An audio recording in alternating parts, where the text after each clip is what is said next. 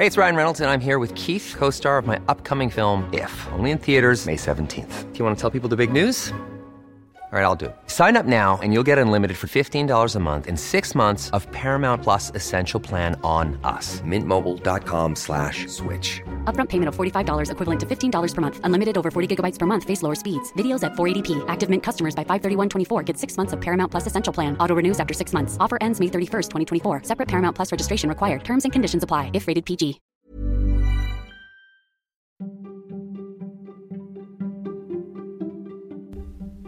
Välkommen till Nomofomo Daily. Det här är ju podden som ger dig trender och forskning som formar framtiden, men även snackisar som du aldrig annars hade fått reda på. Som hur rika skådespelarna i Vänner är och hur mycket de fick för att vara med i återföreningen som har premiär idag. Jag som DJar internet åt dig heter Niklas Hermansson. Streamingkriget blir allt blodigare. Nu är det klart att e-handelsjätten Amazon köper det klassiska filmbolaget MGM Studios för 70 miljarder kronor. Därmed kan Amazon peta in James Bond och Rocky-filmerna i sin prenumerationstjänst Amazon Prime, men även populära tv-serier som Survivor och Shark Tank. Totalt så får de tillgång till 4000 filmer och 17 000 TV-program, vilket är en svettig passning till konkurrenterna Netflix och Disney. Det här är alltså Amazons näst största förvärv genom tiderna. Bara livsmedelskedjan Whole Foods har varit dyrare. Då var året 2017 och då låg prislappen på 114 miljarder kronor. Snart är det premiär för Disneys nya film Cruella med bland andra Emma Stone. När medierna nu publicerar sina recensioner av filmen är det många som väljer att vinkla på att vi äntligen får se den första öppna gay-karaktären i en Disney-film. Filmskaparna har själva inte valt att bekräfta huruvida den modebesatta karaktären Artie är gay eller inte, men nyhetsrubrikerna borde ju oavsett firas på de sociala plattformarna, kan ju tyckas, men istället så har Twitter roligt åt rubrikmakarna. Det är nämligen inte första gången som medierna hojtar om den första öppna gay-karaktären i Disney-filmer. Sajten The Mary Sue kan komma på sex andra gånger det har hänt och det kan twittrarna också, som till exempel Hitta Doris, Skönheten och Odjuret och Star Wars, The Rise of Skywalker. Förtroendet för varumärken, ja det är kört i botten och nu snackar vi på global skala. Efter att ha pratat med nästan 400 000 människor världen över konstaterar byrån Havas Media Group att vi numera lever i cynismens tid. Den här nya rapporten visar bland annat att endast 36% av respondenterna känner sig nöjda med företagens åtgärder för att göra världen till en bättre plats. Och hela 71% tror inte att varumärken håller vad de lovar. Faktum är att tre av fyra varumärken hade kunnat försvinna över en natt utan att någon hade brytt sig. Det här är ju kämpiga siffror för alla er som jobbar inom B2C, såklart. Den värsta av dem alla är nog den här. Mindre än hälften av alla varumärken ses som pålitliga. Så det låter som att det är dags att byta strategi för många och då kan det ju faktiskt vara värt att faktiskt börja stå för någonting på riktigt. Enligt undersökningen är mer än hälften av konsumenterna villiga att betala mer för ett varumärke som tar ställning. Det skriver Morning Brew. Och från och med den här veckan kommer somliga att kunna dölja likes på Facebook och Instagram. Och den här funktionen ska därefter rullas ut till alla och det kommer att hända under de närmsta veckorna. Det här projektet då med dolda likes, det har varit under utveckling i flera år och det flyttade sig fram ytterligare på grund av pandemin. Nu har då Facebook kommit fram till hur de vill göra och det är att lämna beslutet ja, helt till användarna. I defaultläget så kommer likesen vara på men man kan välja att stänga av dem. Och ursprungligen så var ju tanken med att dölja tummar och hjärtan, det var ju stärka användarnas självkänsla.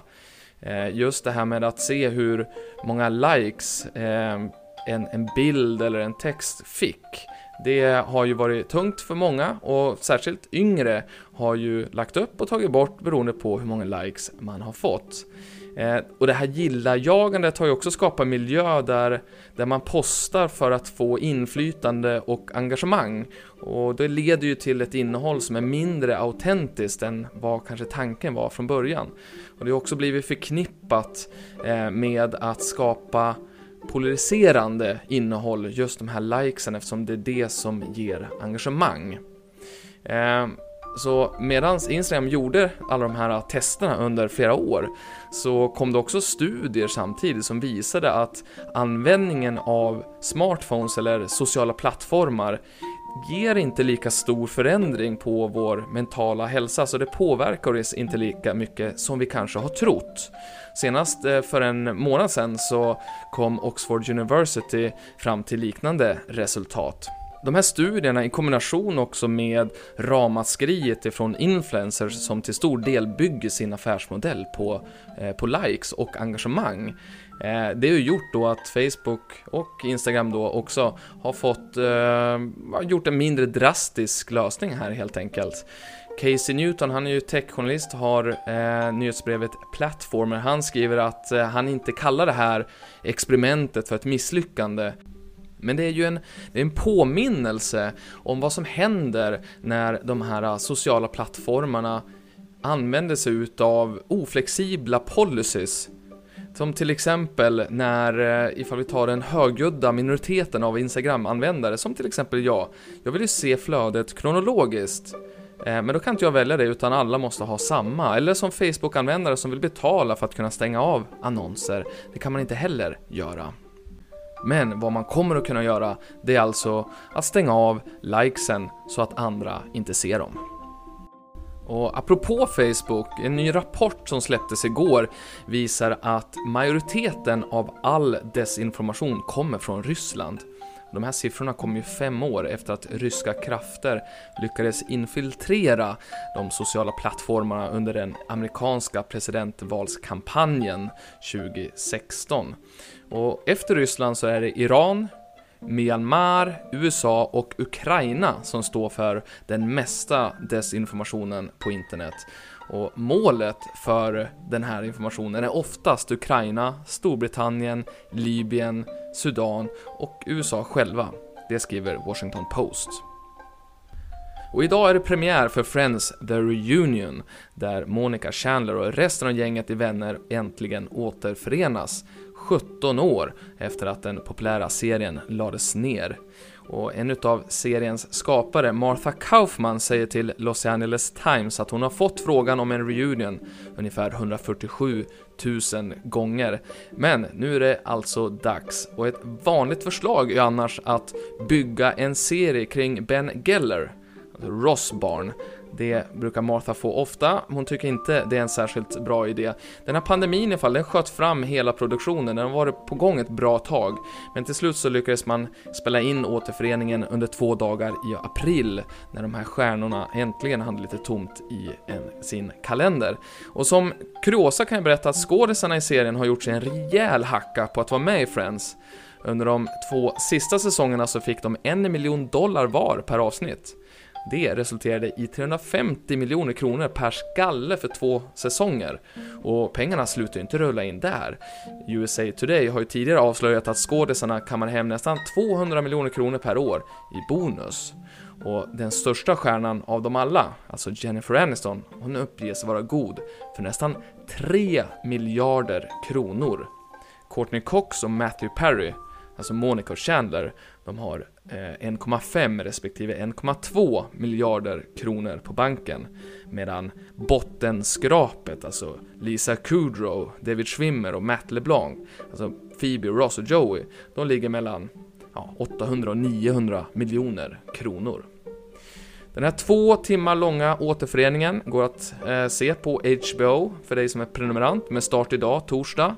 Eh, och för att vara med i den här så fick varje skådis omkring 30 miljoner kronor. Och det, det var allt för idag. Tipsa gärna dina vänner om NomoFomo Daily. Ju fler vi blir, desto fler avsnitt kan jag göra. Och jag kan även tipsa dig om att följa Nomofom på Instagram. Där får du en ny bildstory varje dag. Inget spam, bara fascinerande bilder och historier. Så ha en fantastisk helg så hörs vi på måndag igen.